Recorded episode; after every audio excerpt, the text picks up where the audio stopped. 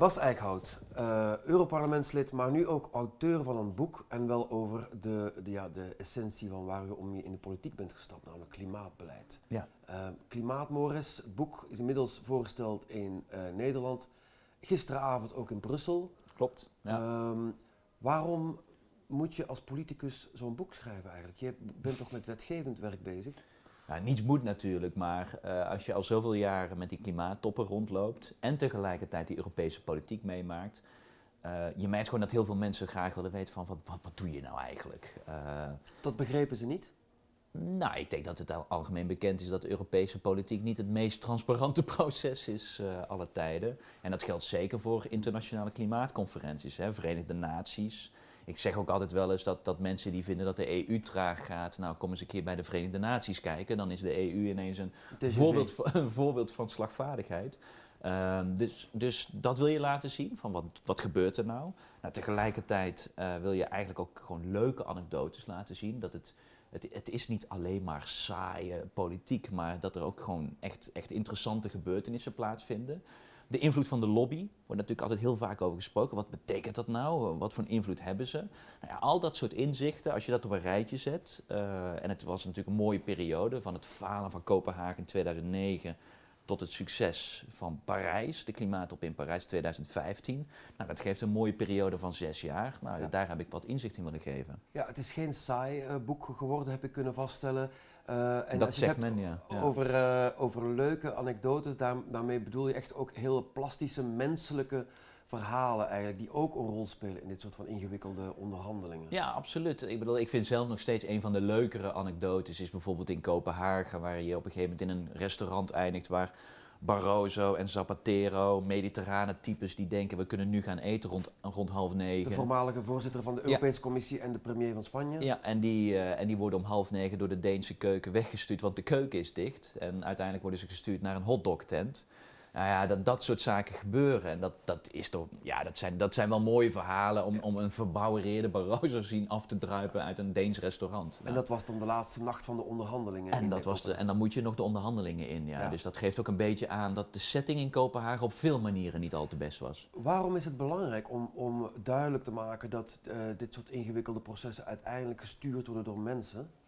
Omdat eh, ik denk dat heel veel mensen gewoon echt niet weten van hoe komt men nou tot zo'n klimaatdeal? Wat gebeurt daar nou?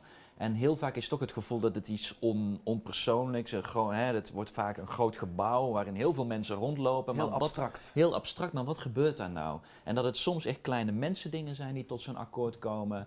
Maar natuurlijk ook gewoon dat het een belangenstrijd is. Ik wees daar ook niet naïef over. Dat, dat er gewoon een belang is tussen fossiele industrie enerzijds, die gewoon nog zo lang mogelijk wil blijven profiteren van, van hun, hun voorraden in kolen, gas en olie. En de nieuwe industrie die opkomt en zegt, nou geef ons strenger beleid, doe eens wat meer klimaatbeleid, want wij willen juist wat, wat harder vooruit. Nou, die belangenstrijd, daar wil je ook gewoon een inzicht in, in geven. Dus het is, dat is eigenlijk, het, het is het tastbaar maken van iets heel abstracts. Ja, en dat, dat is bela- belangrijk eigenlijk ook, want er wordt vaak gesproken over de kloof tussen de politiek en de burger. In feite doe je misschien met zo'n boek ook wel iets aan om, dat, om dat, die kloof wat, wat kleiner te maken. Hè? Het is een poging om met dit boek inderdaad in ieder geval iets wat die kloof te overbruggen tussen politiek en, en, en zeg maar mensen die, die zich afvragen wat er gebeurt. Ik denk niet dat de kloof meteen geslagen is met één zo'n boek.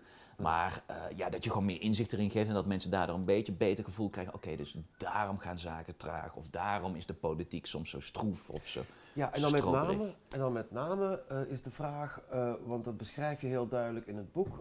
Nederland is nou niet, niet bepaald het beste jongetje van de klas in, in Europa. Hè? Als het gaat om energiebeleid, klimaatbeleid. Nou ja, dat probeer ik ook nog in het boek te, te laten zien. Is, is uit elke enquête blijkt dat Nederlanders heel vaak het gevoel hebben dat Nederland een koploper is in, in, in, in, in milieubeleid in algemene zin en ook in klimaatbeleid. Dat was ooit zo, hè?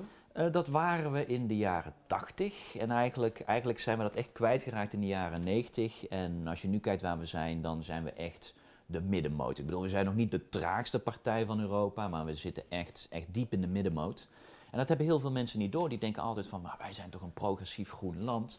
Ja, als je dat gewoon even laat zien, ook de lobby in Nederland, eh, waar we vandaan komen met onze gasverslaving, eh, de macht van VNO-NCW, dus de, de bedrijfslobby in, eh, in Nederland. ja, dat, dat laat je ook zien in zo'n boek. En hopelijk laat het ook zien dat mensen realiseren dat er nog ook echt wel wat moet gebeuren in Nederland.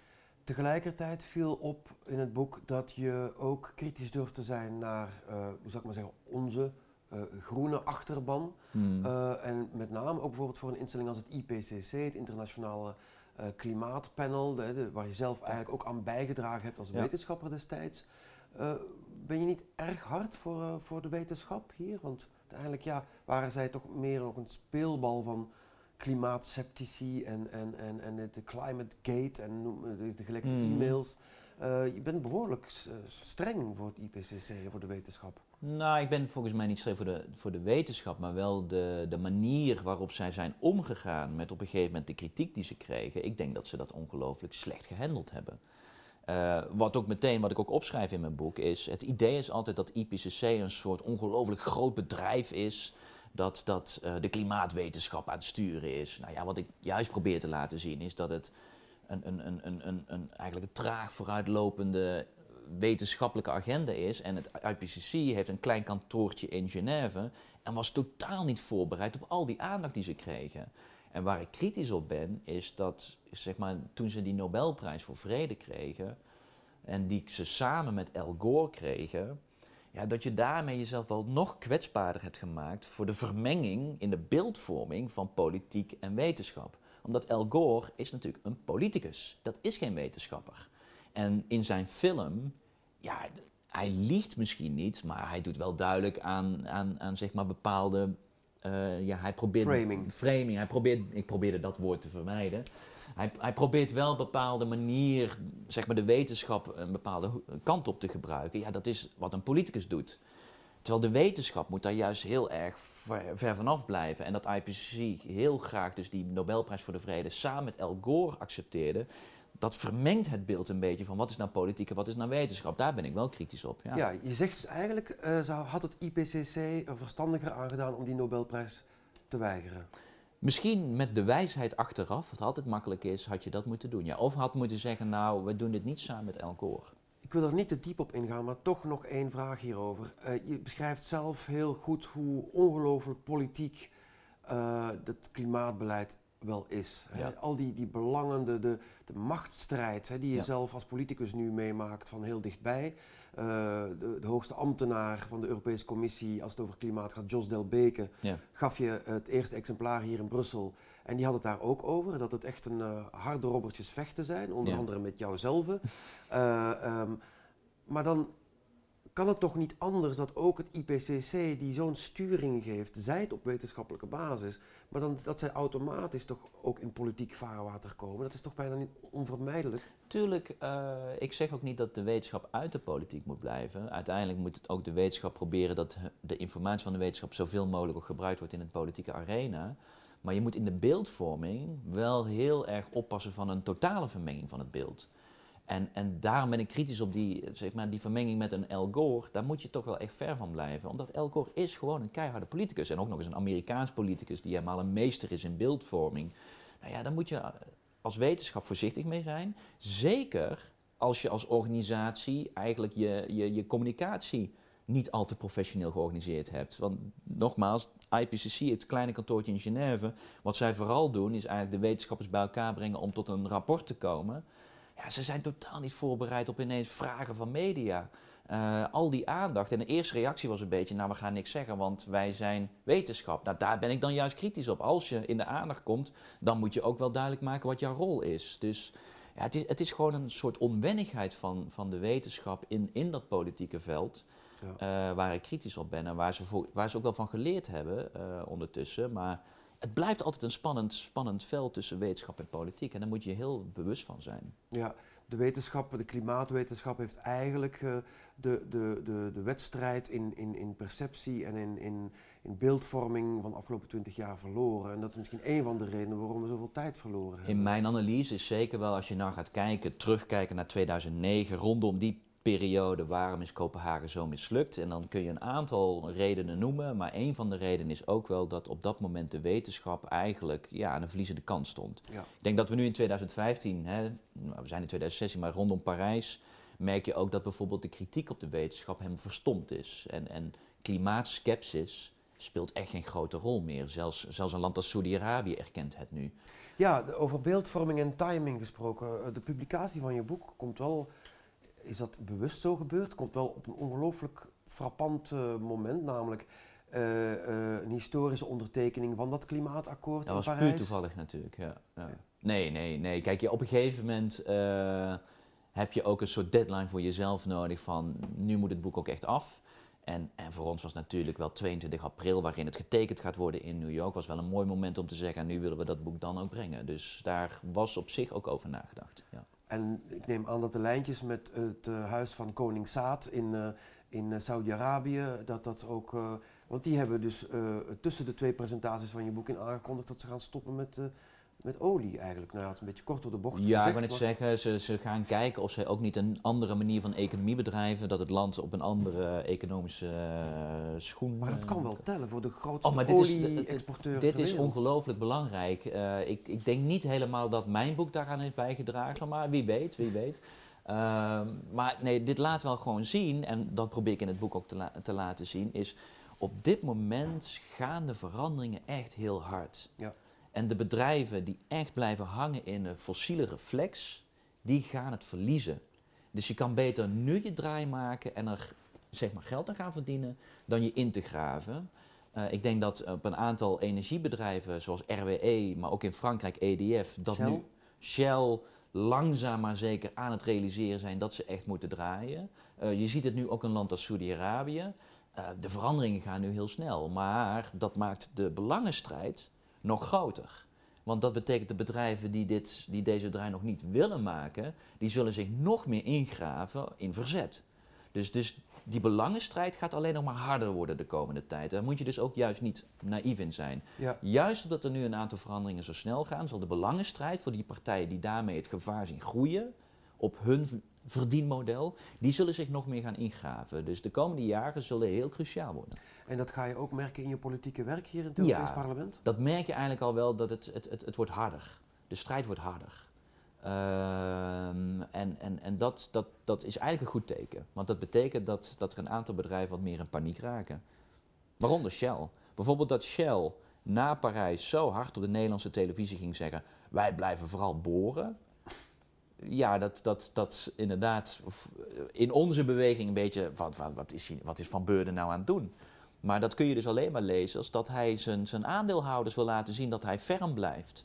Dus dat laat zien dat de druk groter wordt op een bedrijf als Shell en daardoor wordt hij bijna genoodzaakt dit soort wat, wat rare uitspraken op Nederlandse tv te doen. Bedrijven profiteren meestal van rust achter de schermen, maar je ziet een Shell kan dat niet meer veroorloven. Ja, dat is een goed teken.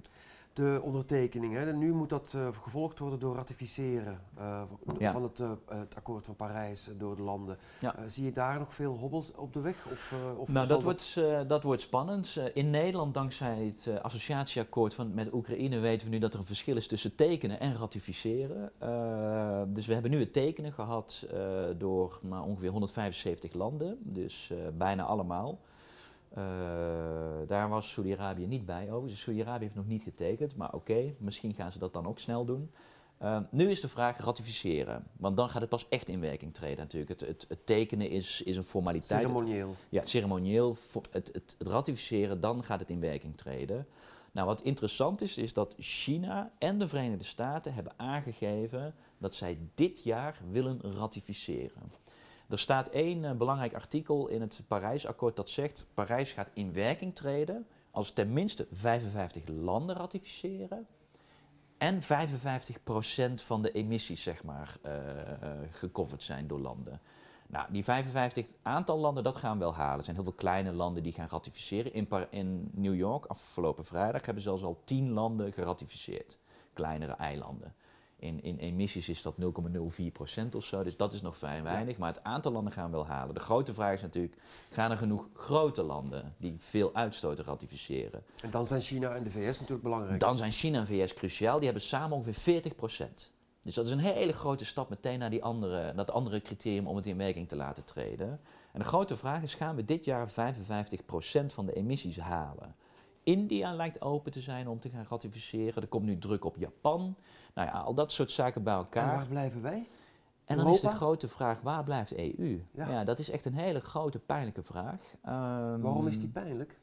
Omdat EU altijd pretendeert, wij zijn de koploper. Eh, nogmaals, in 2009 in Kopenhagen denk ik dat die claim terecht was. Maar die wordt steeds moeilijker om die vol te houden.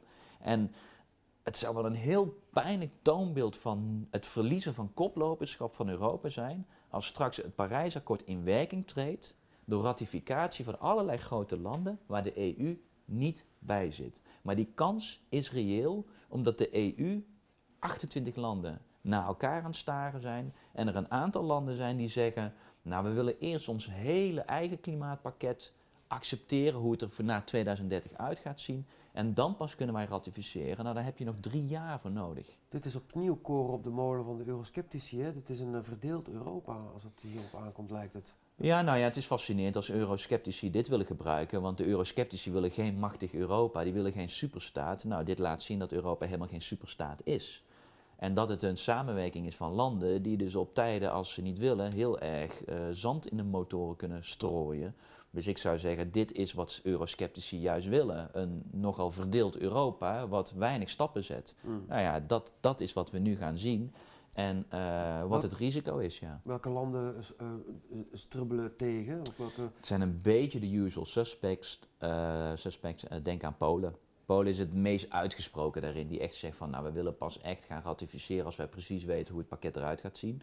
Maar ook Groot-Brittannië, ook Groot-Brittannië is, is niet eh, heel snel op dit moment. Dus, eh, maar het andere probleem is meer dat er eigenlijk maar weinig landen echt aan het pushen zijn voor snelle ratificatie. Alleen Frankrijk doet dat. Nou ja, Frankrijk heeft natuurlijk een reden bij dat zij er graag bij willen zijn als Parijs in werking treedt.